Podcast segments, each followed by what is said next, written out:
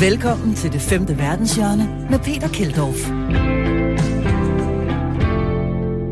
The flight time of 2 hours and 40 minutes. I still expect to arrive uh, beautifully on time uh, at Lisbon. Det her, du hører her, det er min første flytur i rigtig lang tid. Jeg har nemlig taget en tur til Portugal, og dagens program bliver altså lavet til dig hernede fra. Portugal gik i gult, og så tænkte jeg, øh, why not? Der er jo, øh, trods minimale ressourcer, øh, så er det her jo trods alt et udlandsprogram, så hvorfor ikke gøre det nu? Der kommer et par Portugal-historier til dig i dag, men vi skal altså også lige forbi, at meth is back. Methamfetamin gør et comeback i USA. About how meth has made a resurgence of the as the drug of choice, um, at least for in America. Vi har også en dansker med, som er gået deep i Mexico, hvor midtvejsvalget får øh, fokus fra kartellerne og banderne. Som man også fortæller i, i interviewet, så har han slået 92 mennesker ihjel. Det er sindssygt vigtigt for, øh, for banderne sådan territorielt at stå stærkt op til midtvejsvalget. Så skal vi tale med min gamle veninde Silke, som ser den indonesiske, indonesiske ferieø Bali lide hårdt under pandemien, fordi de ingen turister har. Og så har vi selvfølgelig vores faste element, postkortet, samt en række andre gode historier til dig. Mit navn er, som hver eneste uge, Peter Keldorf. Velkommen til det femte verdenshjørne.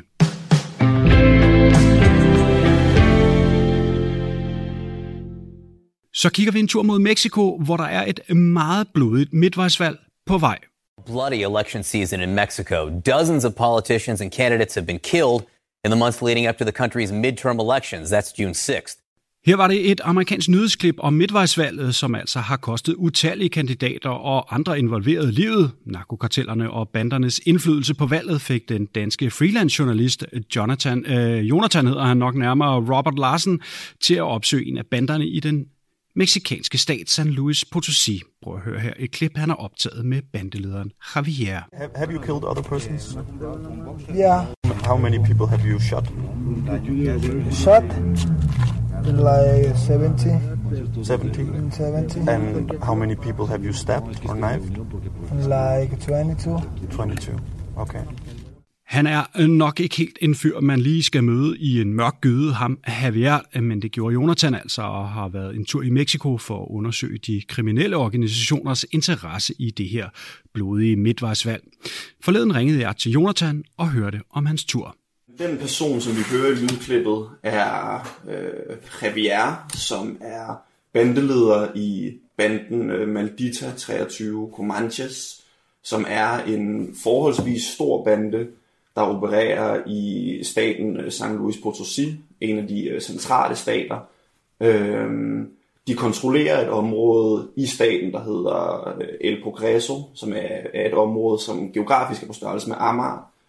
Øhm, hvor der, at der opererer, opererer øh, en del andre bander, men det er ligesom den her bande, som, øh, som sidder, øh, så at sige, øh, øverst i fødekæden. Det er ligesom dem, som, som har kontrollen her. Han fortalte mig en, en, en, en masse ting. Først og fremmest så fortalte han mig om, øh, hvordan bandelivet oplevedes for ham, øh, hans baggrund, øh, hvor mange mennesker han havde, øh, han havde slået ihjel. Sådan, det, det, er- det er jo hårde kår, øh, de, her, øh, de her mennesker kommer fra, som man også fortæller i, i interviewet, så har han slået 92 mennesker ihjel. Øh, han fortalte mig, hvordan at det er sindssygt vigtigt for, øh, for banderne sådan territorielt og stå stærkt op til midtvejsvalget. Det er sådan, at det, det er sådan helt centrale for de store organiserede bander op til midtvejsvalget, det er at lave fordelagtige aftaler med øh, statsguvernøren og med borgmestre, som blandt andet bliver valgt til det her midtvejsvalg. Øhm, og de, ja, de, de, de sådan gode aftaler, der er med politiet, øh, de, de kommer ligesom igennem øh, guvernører og, og borgmestre. Det er også derfor, man ser så utrolig mange, rekordmange sådan politisk motiverede øh, mor på kandidater, fordi at man er ret afhængig af at og, og ligesom få de kandidater valgt ind, som har lyst til at øh, støtte en. Øhm, en af de dage, hvor at jeg var øh, sammen med ham, der præsenterede han mig for et af de højtstående bandemedlemmer, som også var politidirektør i øh, staten. Så, så det, det, det kommer ligesom meget, øh, meget tæt på de her sådan, øh, den måde, man ligesom oplever korruptionen på.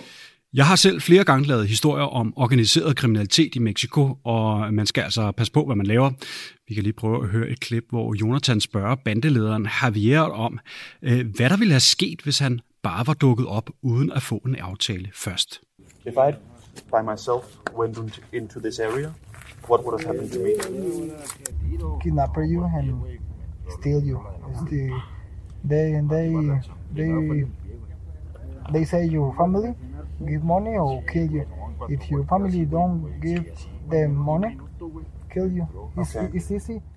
Bandeledere og legemordere i Mexico, det er altså uden tvivl ikke noget for børn, det her. Jeg var helt klart nervøs første dag. Øh, processen var ligesom, at vi kørte ud, mig og øh, Marcel. Øh, så mødte jeg Javier, og så skulle jeg køre en tur med ham i det her El Progreso-område, øh, bare mig og ham, for ligesom at øh, se mig an. Han var meget øh, ligesom interesseret i på en eller anden måde at afdække, at jeg ikke var på en eller anden måde samarbejdet med, med lokale journalister. Dem, dem er de... Øh, dem er de meget efter. Man ser også rigtig mange mor på, øh, på, på lokale undersøgende journalister.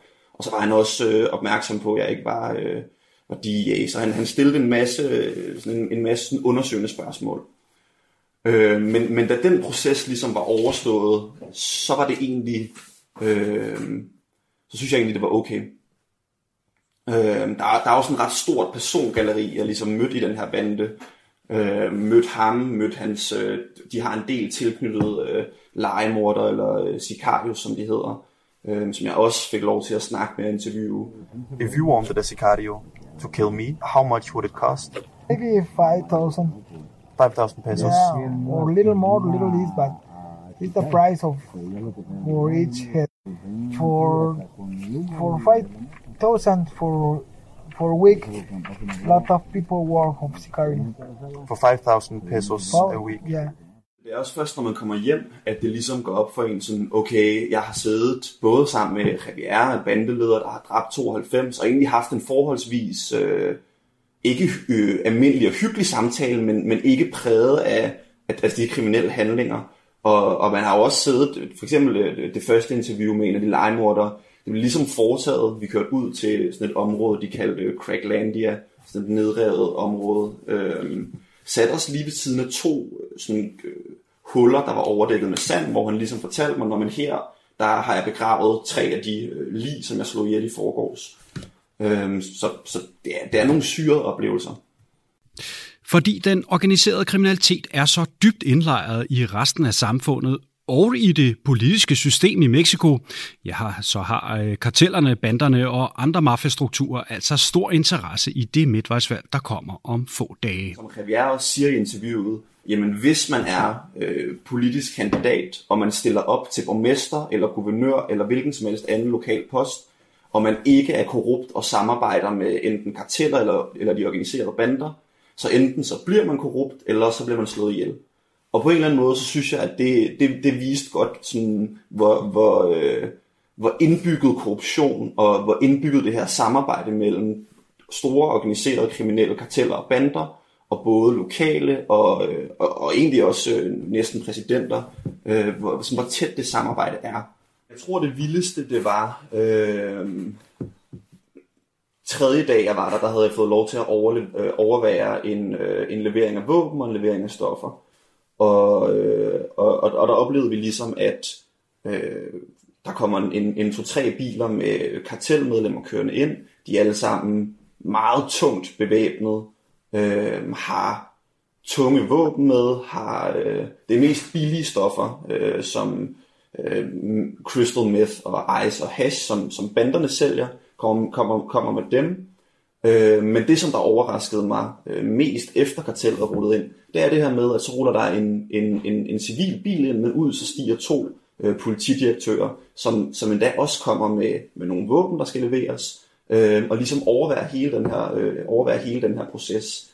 Øh, så jeg synes, det var rigtig vildt. For det første både at opleve øh, bandemedlemmer, selvmedlemmer, politidirektører, men også opleve det sammenspil, der var mellem dem, som bare virkede for det første dybt professionelt, men også i, fra deres perspektiv dybt uproblematisk, fordi jamen, det er jo bare en selvfølgelighed, at der er gode aftaler med, med politiet, og at der er gode aftaler med kartel om at levere stoffer. Og det fortalte altså freelance journalist øh, Jonathan Robert Larsen, som havde været en tur i Mexico for at følge bandernes indflydelse på det midtvejsvalg, der kommer om en lille uges tid.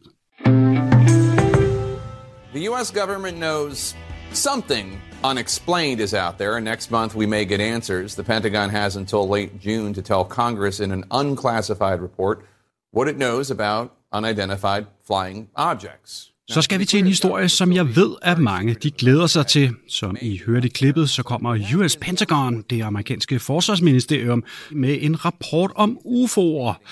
Det sker efter, at der i den seneste tid har været meget debat om det i USA, blandt andet fordi selv samme Pentagon endelig har bekræftet, at visse meget omtalte videoer af, hvad der ligner UFO'er, er optaget af den amerikanske flåde. De har altså bekræftet, at det er den amerikanske flåde, der har optaget de her videoer. Og så skal vi jo vist også lige være helt sikre her, inden vi øh, sætter en skrækkelivet på jer.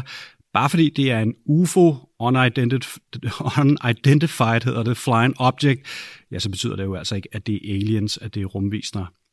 Det betyder bare, at der er noget, som flyver, som han ikke kunne forklare, hvad er. Pentagon har altså bekræftet, at de her flyvende objekter er optaget af flåden inde på amerikansk territorium. De bliver opfanget blandt andet på deres infrarøde kameraer, og der er flere højt dekorerede militærofficerer, der nu har været ude at sige, at de har set noget, som i hvert fald er formet helt anderledes, end hvad man normalt ser, og at objekterne kan flyve og bevæge sig på en måde, som er helt uovertruffen, og som er noget hurtigere og bedre end de amerikanske Top Gun-typer.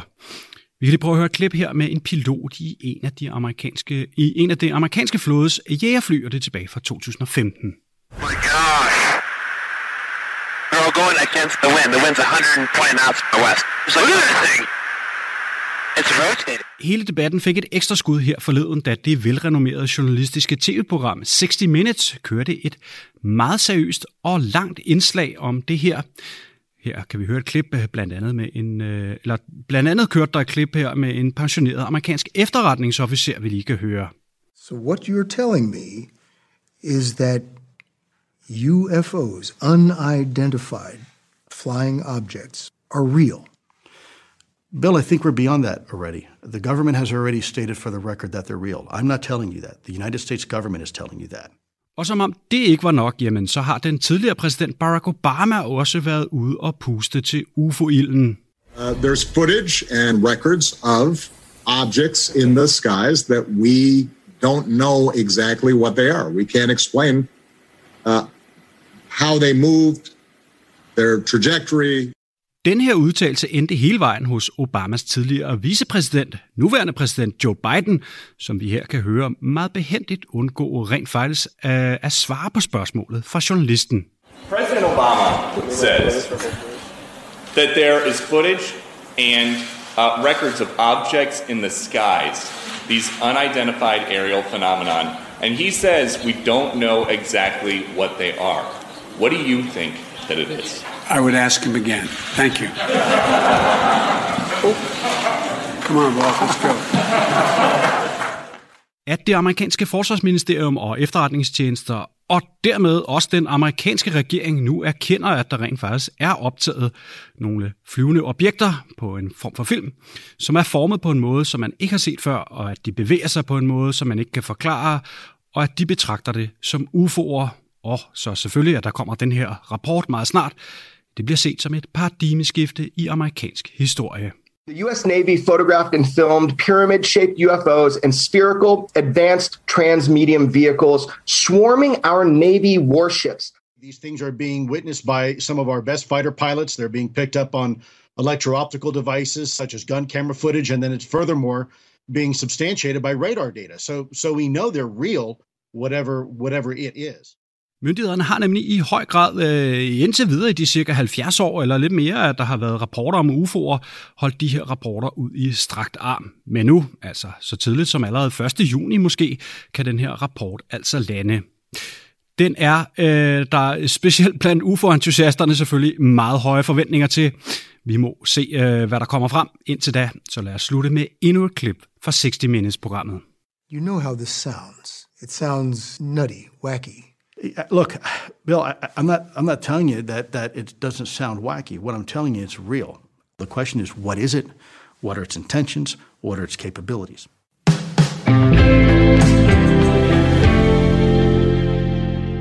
Det femte verdenshjørne elsker jo de her gode historier, der kommer ud af at tage et eller andet sted hen i verden.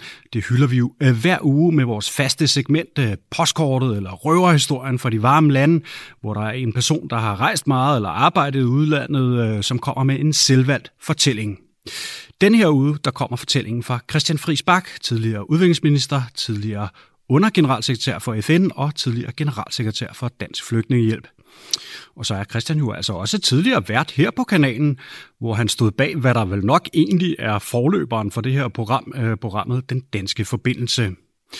Nu laver Christian øh, firmaet Warfare, øh, som sælger varer fra Afghanistan for at hjælpe lokalbefolkningen. Her kommer Christian Fris Bak. Kære det femte verdenshjørne, her kommer der en hilsen fra Afghanistan, hvor jeg var to gange dengang jeg var så heldig at få lov til at sidde i regeringen. Og jeg har nogle meget stærke minder derfra. Første gang vi var dernede, der fløj vi ind med et militærfly. Øh, og det var sammen med Willy Søvndal. Og man kunne kun ligesom ligge, for det første var det kun få timer, vi fløj midt om natten øh, fra Dubai, og så kunne man kun ligge på gulvet på sådan et liggeunderlag, og det larmede, og det var jo meget nyt det hele, og, og, og derfor var vi ret smadret, da vi kom, kom frem øh, til Helmand, hvor vi skulle besøge de danske soldater. Jeg kan huske, at vi også mødtes med guvernøren øh, dernede i Helmand, øh, og han og det hele er sådan lidt, nogle gange sådan lidt togagtigt, fordi vi var, det var så stærke oplevelser, og vi var så trætte. Jeg kan huske, at han ligesom kom gående i sådan en helt hvid kjortel. Han lignede sådan en engel, der kom gående imod os. Øh, nu var han så ikke en engel, øh, viste sig lidt senere, men, men så sad vi på, i telt på sådan nogle bløde møbler og skulle tale med ham. Og han talte, og han talte, og han fortalte, og han fortalte. Og jeg kan huske, at vi var lige ved at falde i søvn begge to. Det var skrækkeligt. Vilde Søvndal faldt faktisk i søvn. Jeg har ellers rigtig stor respekt for, for Vilde Søvndal, men han kunne simpelthen ikke øh, holde sig vågen der. Men da han så faldt i søvn, så fik jeg jo sådan totalt adrenalinklik, øh, fordi der var jo ligesom kun også tre, så jeg blev bare nødt til at holde mig vågen. Øh, det var meget pinligt, hvis vi ligesom faldt i søvn begge to midt under et møde med guvernøren når man skulle afsted rundt i Helmand der, så fløj man i sådan nogle militærhelikopter, og man fløj ligesom op, og så åh, stor fart og så ned igen. Så var man åbenbart sværere at ramme. Og selvom vi kun skulle bevæge os få kilometer, så, øh, så foregik det, det sådan. Øh, ude at se en udstilling af nogle landmænd, som havde produceret de fineste landbrugsprodukter. De fik støtte til at producere andet end opium. Og de fremviste alle de her produkter, øh, som lå på sådan borer, de havde taget dem med det var faktisk der, jeg fik ideen til den virksomhed, jeg nu har, fordi der var bare de bedste granatæbler i verden. Dem laver de dernede i Helmand og Kandahar i, i Afghanistan. Og siden dengang har jeg gået og sagt, at en dag, så vil jeg simpelthen importere granatæbler fra Afghanistan til Danmark, fordi de producerede fantastiske varer, men de havde jo ikke en chance, fordi der er ikke rigtig nogen, der turde købe dem, øh, og de var utrolig svære at, at få ud og få til Danmark. Så jeg har siden gået og sagt, granatæbler, det vil jeg importere det er så gået i gang med, du har ikke fået granatæblerne endnu, men vi har fået en masse andre fantastiske varer fra Afghanistan, og det var inspireret af det besøg hos de, hos de landmænd. Vi kørte igennem Kabul, kan jeg huske, på en af de to ture her, og det var noget af det fineste, øh, fordi vi kørte ind igennem Kabul lige på det tidspunkt, hvor at, øh, at børnene de fik fri fra skole. Og så så man bare de der tusinder af piger, der kom gående i deres lange kjoler, ensfarvede blå eller mørkerøde, sådan husker jeg det i hvert fald, og, og deres tørklæder kom de gående fra, fra skole. Der tænkte jeg bare, at det her, det er, det er okay, det her. Og her har vi forhåbentlig Afghanistans fremtid. Og de piger og kvinder, de gav mig meget stort håb, dengang vi, når vi besøgte dernede. På et tidspunkt skulle vi til middag inde på ambassaden, og så har de inviteret en masse unge øh, afghanske mænd og kvinder. Og jeg skulle så sidde ved siden af en af de unge kvinder, og øh, hun hed Frista Karibi. Øh, og da vi så skulle til at sætte os ned, så træder jeg selvfølgelig fat i stolen, og så hiver jeg ligesom stolen ud. Og så stod hun ved siden af mig, og så kiggede hun sådan på mig, og så kunne se, at hun blev helt forlegen og, og sådan lidt forvirret. Og så lige så tog hun sig vældig sammen, og så sagde hun, det er min stol, sagde hun så. og og jeg blev også lidt forvirret selv, om det er bare sådan noget, vi gør i Europa, vi trækker stolen ud. Jeg synes bare, det var så fantastisk. Hun tog sig virkelig sammen, og så sagde hun, det er min stol. Og så fortalte jeg til så sagde jeg så, at det er sådan noget, vi gør i Europa. Vi trækker stolen ud, og så grinede alle de unge mænd. Så sagde de, at du skal bare vide her i Afghanistan, der så manden altså stolen. Øh, jeg skrev faktisk en, senere en bog om, med den titel, det er min stol, for jeg synes bare, det var så godt gået, at hun virkelig tog sig sammen. Der stod en mand og en minister, men det var hendes stol. Og, og det gav mig lidt håb fra øh, Afghanistan. Og jeg tænker tit på alle de kvinder og unge piger, og, som vi mødte derude. Jeg var også oppe i skole, oppe i Marshall Serif, hvor vi mødte en masse piger, der sad i skole, og de rakte jo alle sammen hånden op, og den ene ville være læge og sygeplejersker, og de ville øh, være alle mulige ting og drømte om en fremtid. Jeg tænker tit på dem lige nu her i den her tid, fordi nu forlader vi jo Afghanistan, og hvad kommer til at ske med dem.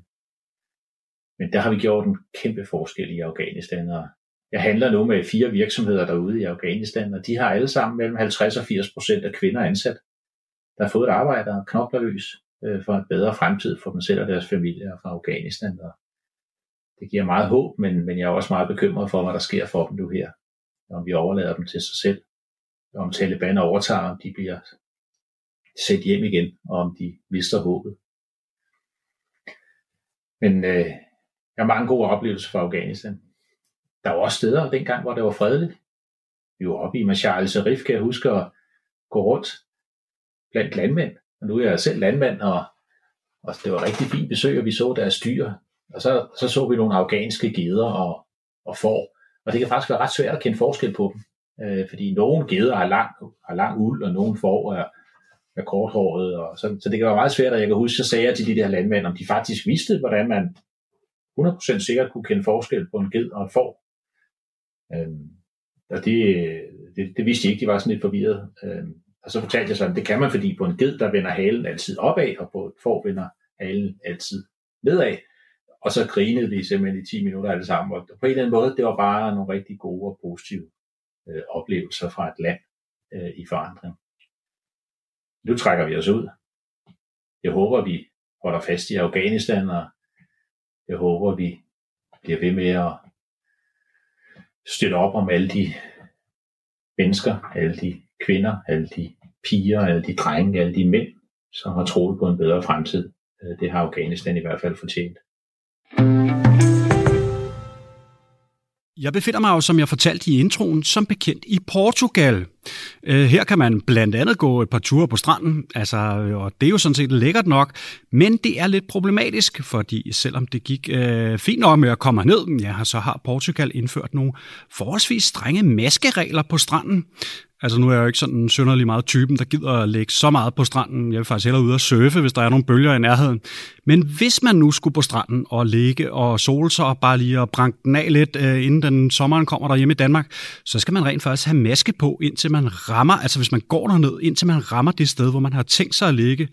Når man så lægger sig ned på sit håndklæde, så må man tage masken af. Og så skal der altså være 1,5 halvanden meters afstand mellem hvert håndklæde på stranden, og så 3 meter mellem hver solseng, altså de her forlud strandsenge.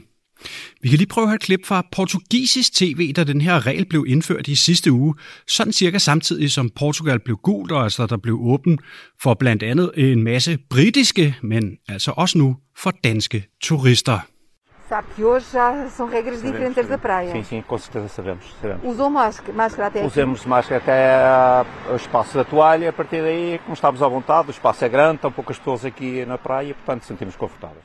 Det var altså reporteren, der spurgte det her par, der var på stranden, om de nu havde efterlevet de nye regler, og det sagde de, at det havde de da skam. Gentlemen, a very good morning from captain.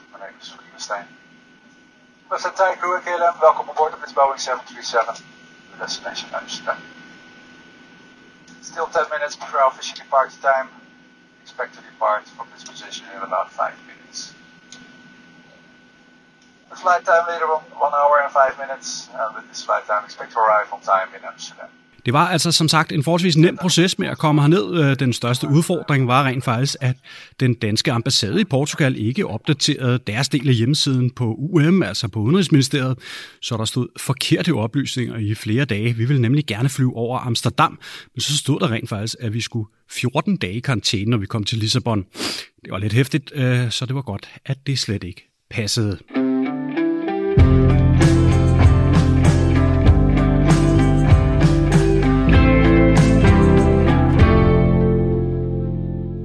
Velkommen tilbage til den anden halvdel af det femte verdenshjørne. Vi har en række gode historier samlet sammen til dig i den sidste del af udsendelsen. Vi skal øh, blandt andet en tur til Bali, der lider hårdt under pandemien, fordi ferieøen ikke har nogen turister. Så har vi endnu en Portugal-historie om big wave surfing, om en af verdens største bølger, der ligger kun kort vej fra, hvor jeg befinder mig. For programmet her, det optages altså i Portugal den her gang. Det var muligt at komme en tur ud, da Portugal blev gult, så jeg er hernede og laver altså programmer til dig hernede fra. Så skal vi altså også høre om, at meth is back, at methamfetamin bliver populært igen i USA. Og så har vi også en lille sjov lukker, afslutningshistorie til dig sidst i programmet. Den må du vente med til allersidst. Velkommen til. Men som lovet, første historie i anden halvdel af programmet er fra den indonesiske ferieø Bali, som i høj grad lever af turisme, og derfor er hårdt ramt herunder pandemien. Bali er også en ø, som i de senere par år er kommet på det danske ferielandkort og er en af de mest eftersøgte feriedestinationer blandt os danskere. Der går øh, altså nok lige lidt tid, før Bali er klar til at åbne op, men det har altså haft voldsomme konsekvenser for lokalbefolkningen, at de har været lukket, at der ikke er kommet nogen turister. Forleden der ringede jeg til min gamle veninde Silke Bok. Hun er oprindelig journalist. Silke og jeg har læst øh, sammen tilbage i tidernes morgen, men Silke har altså nu i et par år boet med mand og tre børn på Bali. Hun fortalte mig, at covid-19's indvirkning på turismen og dermed på økonomien på øen er meget omfattende. Jeg tror næsten, at den bedste måde, man kan forklare, hvad det betyder på, det, det er simpelthen ved at fortælle, hvad der skete for et af vores vennepar, altså et balinesisk vennepar her for nylig. Øhm, før pandemien, der var han chauffør for turister, og hun leverede sådan blomster til et hotel om morgenen. Og så da alle turisterne de forsvandt, så blev de begge to rigtig hurtigt fyret. Og der er jo ikke nogen opsigelsesperioder, der er ikke nogen understøttelse, sådan noget som opsparinger, det, det er virkelig få, der har det hernede. Så de har hudlet sig igennem nu i 14-15 måneder. Og for nogle uger siden, der tog han så arbejde ude i, øh, i rismarkerne. Og han er sådan en stor fyr, og han er overhovedet ikke fysik til hårdt fysisk arbejde. Og så stod han derude fra solopgang til solnedgang, og blev bare mere og mere bleg. Og hans kone fortalte mig, at der var rigtig mange, der sådan havde bedt ham om at stoppe og sagt, ah, skal du ikke lige have en pause? Du må hellere holde op nu. Men han blev ligesom ved og ved og ved og ved og ved. Og så faldt han om. Og han lå på hospitalet rigtig længe, altså i et par uger, og nu er han så kommet hjem, og han ligger faktisk stadigvæk i sengen. Og, øhm, ja, og jeg ved i hvert fald, altså jeg ved ikke nu, om han kommer til at komme sig helt, eller om, om det her det er noget, der kommer til at sætte sig i længere tid. Og, og det er jo i det hele taget et stort problem hernede, fordi altså selvom der så er en, selvom der nu er to fulde forsørgere i den her familie, så kan du se, du kan ligesom kigge dig omkring, og så kan du se, jamen der er bare ikke nogen, der er ikke noget job at få nogen steder. Fordi at, at så kæmpestor en del af økonomien på Bali, den er bundet op på turisme, eller på turisme. Og det betyder jo, at folk de arbejder på restauranter, og folk de arbejder på hoteller, og de arbejder som chauffører, og de arbejder som guides, fordi Bali er så kæmpestor en turistmagnet, og det har kørt så utrolig godt i mange år. Men når der så lige pludselig ikke er nogen turister, så kan du se, hvordan krisen den ligesom pipler frem over alt. Ikke også? Altså, jeg har rigtig mange venner, som fortæller mig, at de har svært ved at betale for internet. Og de skal ikke bruge internet for at se Netflix, eller spille online casino, eller hvad man ellers skal finde på at gøre på nettet. Altså, de skal bruge internet, fordi rigtig mange skoler stadigvæk er lukket, og børnene de får online undervisning, eller undervisning via fjernsynet. Ikke? Så det ikke at kunne betale for internettet, det har jo ikke bare konsekvenser for, at man ikke lige har internet. Det har jo også konsekvenser for deres børns uddannelse. Og, og jeg er også blevet vant til for eksempel, at, at når, når nogle af mine lokale venner de ringer til mig, så ringer de mig op, og så skynder de sig bare smide på. Og så er det så meningen, at jeg skal ringe til dem, ikke også? Fordi så er det mig, der betaler for opkaldet. Og sådan var det altså ikke før pandemien, vel? Og tit tænker jeg bare, hold op, hver en øre må tælle nu, siden det nu er blevet sådan, vi ringer til hinanden, ikke? I snart mange omgange har der været snak om, at Bali skulle åbne op for turister igen. Men indtil videre har Indonesiens regering ikke været villig til at åbne sluserne for alverdens feriehungerne turister. Det bliver bestemt fra centralt hold. Altså det, er, det er den indonesiske regering, som, som bestemmer, hvornår Bali kommer til at åbne. Øhm, og, og det er klart, Regeringen har en stor interesse i, at Bali åbner snart, fordi Bali også har været et kraftcenter økonomisk for hele Indonesien. Altså det er jo et meget rigt område i forhold til resten af det her kæmpe land. Men, men, øh, men det er ikke Bali selv, der bestemmer, hvornår der kan blive åbnet for turister. Altså det, de prøver at gøre lige nu, det er, at de, de virkelig massevaccinerer i tre områder, øh, som de vil gøre til grønne zoner. Fordi så vil de åbne op for de tre zoner først. Ikke? Og det betyder, at Blandt andet i den landsby her, hvor jeg bor, der har man kunne gå ned i sin banjar. En banjar, det, det, er, altså det er der, hvor, lands, hvor selve landsbyen er organiseret. Øhm, så har man kunne gå derned, og så har man så kunne blive vaccineret dernede. Og det er min mand og jeg også blevet. Vi har fået to stik med, med den kinesiske, som ingen snakker om hjemme i Danmark. Men den har vi fået. Altså, vi kunne ingenting mærke. Vi, vi snakkede om, om det måske var, var salt og vand, de havde kommet i den. Og vi er heller ikke begyndt at, tage, at snakke kinesisk endnu. Så, øh, så jeg håber, den virker. Altså, men ingen bivirkninger, ikke, øh, ingen bivirkninger, ikke noget som helst af den slags.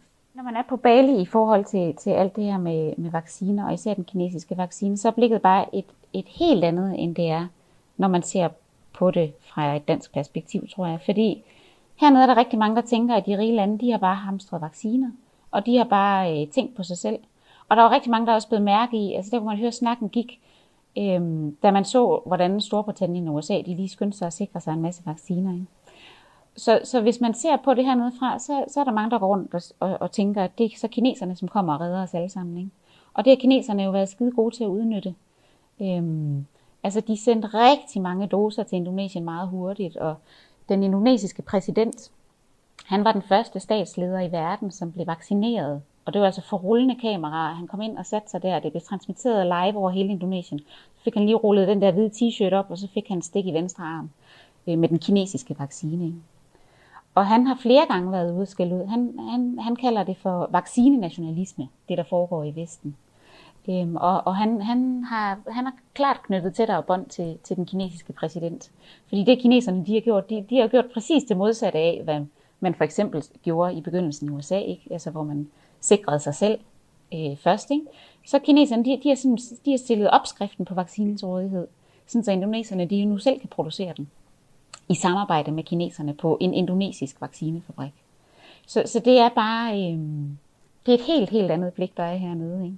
Altså hernede snakker man ikke om, hvordan, hvordan den kinesiske befolkning bliver, bliver behandlet, eller ytringsfrihed, eller demokrati. Man kan bare konstatere, okay, hvis vi skal over den her pandemi, så er det altså Kina, vi skal kigge til for at få hjælp. Det er ikke de vestlige lande. Situationen med de manglende turister viste sig så katastrofal, at Silke besluttede at gøre noget ved det for at kunne hjælpe lokalsamfundet. Hun er derfor begyndt at få lokale håndværkere og værksteder til at arbejde sammen og producere varer og møbler, som Silke så sælger på websiden balibali.dk i et forsøg på at få gang i den lokale økonomi igen. Nu er der altså allerede skibet flere containere afsted mod Danmark til danskere, altså folk herhjemme i Danmark, der gerne vil købe en skammel eller en bakke for at hjælpe balineserne. Nu startede vi med at, at snakke om vores vennepar der, hvor manden han var faldet om i rigsmarkerne. Men overalt, hvor jeg kiggede hen, der så jeg mennesker, som var i en meget, meget svær situation, og som har meget svært ved at komme ud af den her situation.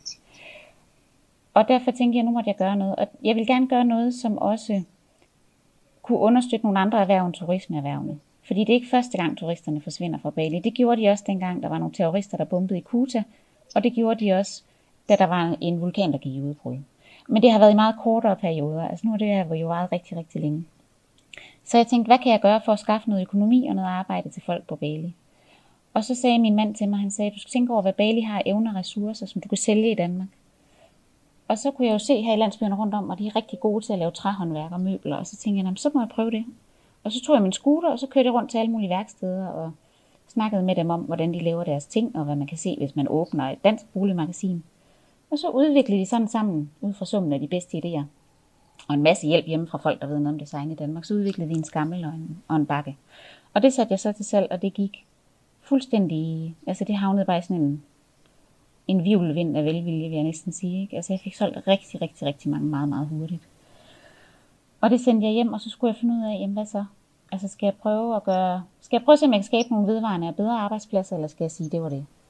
Og, øhm, og det har jeg nu sagt, at, øh, at det, det, det vil jeg gerne. Altså jeg vil gerne se, om ikke vi kan gøre sådan, at der kan blive ved med at sende noget økonomi hernede. Jeg tror, at det her det kommer til at vare rigtig længe. Så nu er jeg i gang med at omdanne Balibali til en socialøkonomisk virksomhed, fordi det startede egentlig bare som et pro bono-projekt, altså et stykke frivilligt arbejde, jeg gjorde. Ikke? Altså det gode ved det, det er jo, det er jo ikke bare dem, der sidder og laver møblerne, som får glæde af det. Det er jo også dem, der skal køre dem i lastbiler til havnen. Det er også dem, der skal have pakket tingene i papkasser. Øh, det er også de små kvinder i varungerne, altså de små kantiner, som sælger mad til håndværkerne. Det er alle de her menneskers familie, Så det er ikke kun lige dem, der sidder og laver tingene, som får glæde af det. Det er jo økonomi, der bliver sendt i omløb på øen, kan man sige. Og det fortalte altså Silke Bok, min gamle veninde, som altså nu står bag balibali.dk.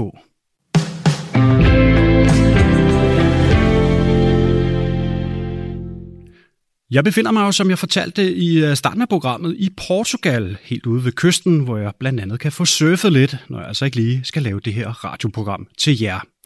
Jeg har selv surfet i snart øh, mange år, ikke fordi jeg er sådan sønderlig god, men jeg har virkelig brugt meget tid på det. Og kun en times væ- øh, kørsel væk fra, hvor jeg befinder mig, jamen der er et af verdens mest berømte og berygtede steder i international surfing. Big Wave Challenge continues here. It is the Nazare Challenge. We're into the semi-finals here late morning in Portugal. If you're just joining us, it is the World Surf League's Big Wave Tour. And here is your six-pack about to do battle in 20-foot peaks here at Nazare. I byen Nazare opstår nogle af verdens største bølger, og big wave surfere fra hele verden valgfarter dertil. That fishing town of Nazare now becoming a famous big wave icon. Årsagen til, at, det lige netop er, øh, at der lige netop er ekstremt store bølger der, er, at der er en undervandskløft, altså en kløft ude i vandet ved havbunden, som presser en større mængde vand ind mod bredden på en bestemt måde, så bølgen rejser sig lige foran stranden. Surfers worldwide know the, value of an offshore canyon. It's it, this one's up to eight. 8,000 feet deep, just a, a, few miles offshore, and that allows the waves to come in at a, a much greater speed. But but it also tends to bend one wave train slightly from a different angle, and then, then when those two trains peak, they, the the peaks cross up, and that's what the, the famous uh, sort of A A-frame. De mange big wave surfere, som valgfærder til den ellers lidt øh, glemte og forholdsvis øh, ramponerede fiskerby øh, Nazaré, forsøger blandt andet at slå verdensrekorden, som lige nu bliver holdt af brasilianeren Rodrigo Cosa, som i 2017 surfede en bølge ud for Nazaré på over 23 meter i højden. Men det var altså oprindeligt, oprindeligt undskyld, amerikaneren Garrett McNamara, der først satte Nazaré på surfingens verdenskort. When we first sent the photo, there's this little car and the giant wave in the background. It looked amazing. It looked like my favorite wave called Jaws on Oahu, but I had no idea what the coastline was like. And they said, oh, it's a little fishing village. And so I figured 10, 20 houses in this little fishing village. And I had no expectations, which was amazing. And it was the biggest wave I ever saw. And I knew that I found the biggest waves I've ever seen and that we have something really special here. McNamara surfede for snart 10 år siden en bølge, der stadigvæk betragtes som den anden højeste nogensinde. I didn't want to surf the day of the world record wave. I'd surfed all day the day before, and I got pounded by so many waves, and I was really tired, and, and I never feel like that. I'm always revving for the next, and they, they came to my door knocking, come on. I'm like, no, I'm good. And then they talked me into going, I was just going to drive them. And then they said, come on, get a wave, and I didn't feel right. But then I did my little breathing thing, reset, and all of a sudden he picked me up on the rope, and and there was the world record wave. It was, it was magic. I focused on it. I trained hard. I ate perfect. I surrounded myself with the right people. I created an amazing team. Got everything set up here in Nazareth for for a whole year, actually two years. The second year it came, and um, it was a lot of work, but it was well worth it. And it takes about two or three years for people to, you know, 2011 we got the world record and went on BBC and CNN. 2012 BBC, CNN. 2013 BBC, CNN. And then all three years in a row, all they're, they're changing their tickets, they're, they're making new plans, and everybody's coming to Portugal, and it's, it's, it's amazing. It's unbelievable. Når man surfer de her enorme bølger, jamen, så bliver surferne trukket ind på bølgen af en jetski, der ligesom kører foran. dem, Fordi bølgen er så stor og så hurtig, at det er umuligt sådan på normal vis at padle ind på den, som man ellers gør, når man surfer. Jetskien, jetskien sætter så fart i surferen, øh, som står på bordet bagefter. Surferen fortsætter lige ud på bølgen, mens jetskien og dens fører drejer af, før, søl, før undskyld, selve bølgen den begynder at brække.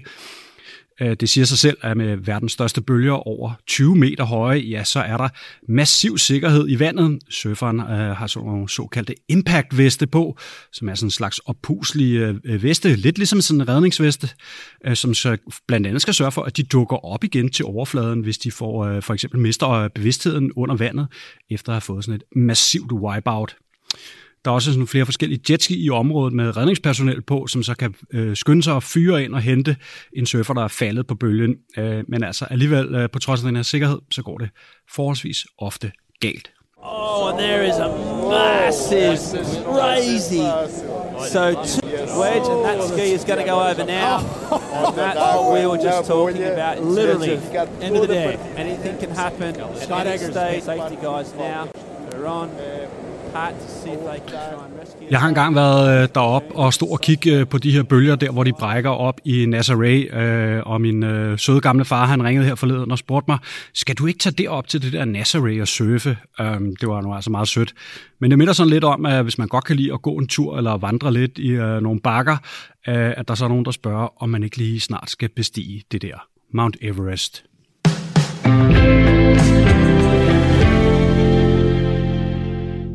Så vender vi blikket mod USA og en slags tilbage til fremtiden, Back to the Future. I hvert fald har en uønsket gæst fra fortiden gjort et stort comeback på den amerikanske narkoscene. Det er stoffet methamfetamin, der igen bliver populært. Meth is back, lyder det derovre på den anden side af dammen. The resurgence of crystal methamphetamine, meth, is making a big comeback in West Michigan. The DEA says the new version of the drug is stronger than ever. Meth is a very cruel, evil drug. We are seeing methamphetamine at levels that have never been seen before. The fight to get the deadly drug off our streets. The fact that there is such a demand for meth in this country, people should be alarmed. Jeg var faktisk i sidste år i starten af marts øh, på vej til Ohio for at lave den her historie. Jeg havde aftalt med en fyr, der hedder Zach Swartz, en journalist, der har dækket Meths, øh, Meths tilbagekomst. Øh, at ham og jeg, vi skulle lave en minidokumentar til dansk tv, hvor han skulle hjælpe mig ind i de her meth-miljøer i Cleveland, Ohio, som han selv havde skrevet flere artikler om. Så kom der som bekendt en øh, vis lille pandemi flyvende, og så blev den minidoku ikke til noget. Men forleden ringede jeg til Zach og bad ham fortælle mig historien bag af Myth is Back. I did a story uh, a year ago. It was right before the pandemic hit, and it was basically about um, the return of meth.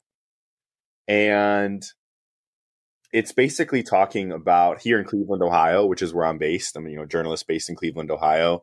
Um, about how meth has made a resurgence of the as the drug of choice, um, at least for in America, for you know lots of American users. Um, we're sort of moving eras right now. You know, I'm sure people have heard about the opioid crisis and how in the opioid crisis, a lot of deaths were caused by fentanyl. People were cutting things with fentanyl. And now we're basically returning to uh, the meth era. Um, but the pandemic is also, uh, you know, that story was published right before the pandemic. I've been doing a little bit of research and talking to my sources since. Um, and the pandemic and the border shutdown actually halted a lot of the meth production that's happening. So now you see people returning back to homemade labs um, and sort of these homegrown methods of making meth. So people are always finding a way, you know, some drugs, some method, but right now it's meth and it's, it's homegrown meth is, is really the, the kind of craze, the drug craze uh, in America. Homegrown meth is the drug craze in America, som lød det altså her fra Zach, som i den artikel, han oprindeligt havde skrevet, mødte en fyr, som det også var meningen, at jeg skulle have besøgt ham med sidste år. the way I would describe this guy is like a meth kingpin. Um, he lives in East Cleveland. East Cleveland, if anyone you know Google's it, um, you know, is one of the most dangerous parts, uh, one of the most dangerous cities in the country. Um, and he basically has an apartment, uh, a whole building. I don't know if he owns it. I don't know what really the details are. I mean, he he seems to own it, you know, in terms of the way people who live in it respond to him.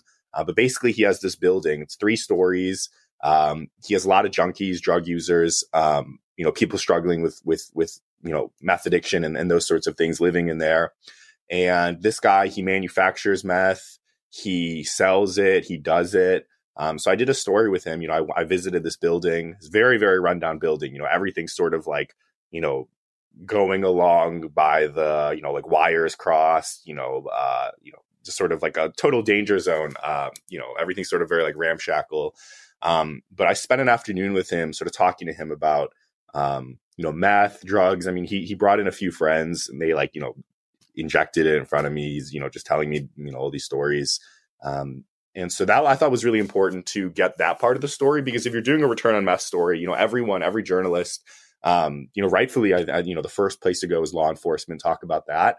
Um, but I really wanted to get the side uh, from the users. And, you know, this guy, he tells me some things that I go and verify with facts, you know, like talking about the resurgence of meth, talking about its cartels.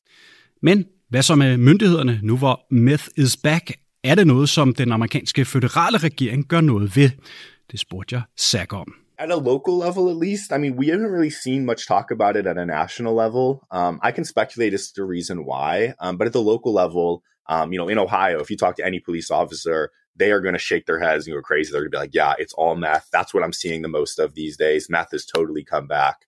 Um, but the problem is is that you know this stuff is always shifting. Um, it used to be a lot easier to regulate meth. You know meth is basically um, it's three ingredients. It's ephedrine, it's red phosphorus, and it's iodine. And it, that's, you know, the original Japanese chemists in the early 20th century who synthesized it. That's what he used. Um, so ephedrine is the hardest one to get. Uh, you can get pseudoephedrine, which is basically like ephedrine um, from cold medicine. Okay, so in the early 2000s, every all you had to do to make meth was just buy a ton of cold medicine. Uh, the government started cracking down on that. Now the government actually can see the, the United States government can see the logs of who's buying cold medicine or not. So that makes it incredibly easy to track down people who are manufacturing meth.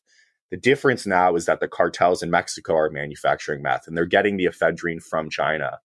So law enforcement towards meth isn't as easy anymore because you can't just track down who's making it because they're buying lots of cold medicine. Enforcement of meth has basically become like any other drug that's being distributed by the cartels. Basically, have to do drug busts. You got to, you know, get informants to buy it. Um, so the enforcement of it has has has become harder. But um, on a local level and state level, I mean, people are are really. I mean, in Ohio, you know, when I reported this story, local law enforcement's hitting the panic button. Um, however, I can speculate though that because the death rate from meth isn't as severe. I mean, you you can die from meth, but it's not like heroin or fentanyl where, you know, if it's cut with fentanyl, you're going to die instantly. Um, meth kills you more slowly over time. So that's probably why you're not seeing such a national outcry because people aren't losing their sons and daughters overnight. They're losing their sons and daughters over time. Zach Schwartz vurderer altså, at fordi brugerne ikke dør hurtigt af methforbrug, øh, ja, så er den amerikanske forbundsregering med Joe Biden og de andre øh, ikke så ops på problemet. Amerikas sønner og døtre dør langsomt af den nye tilbagevendte narkodille, meth- øh, som altså er methamfetamin. Sådan lød det altså fra journalist Zach Swartz, som har dækket Meth is Back-historien i USA.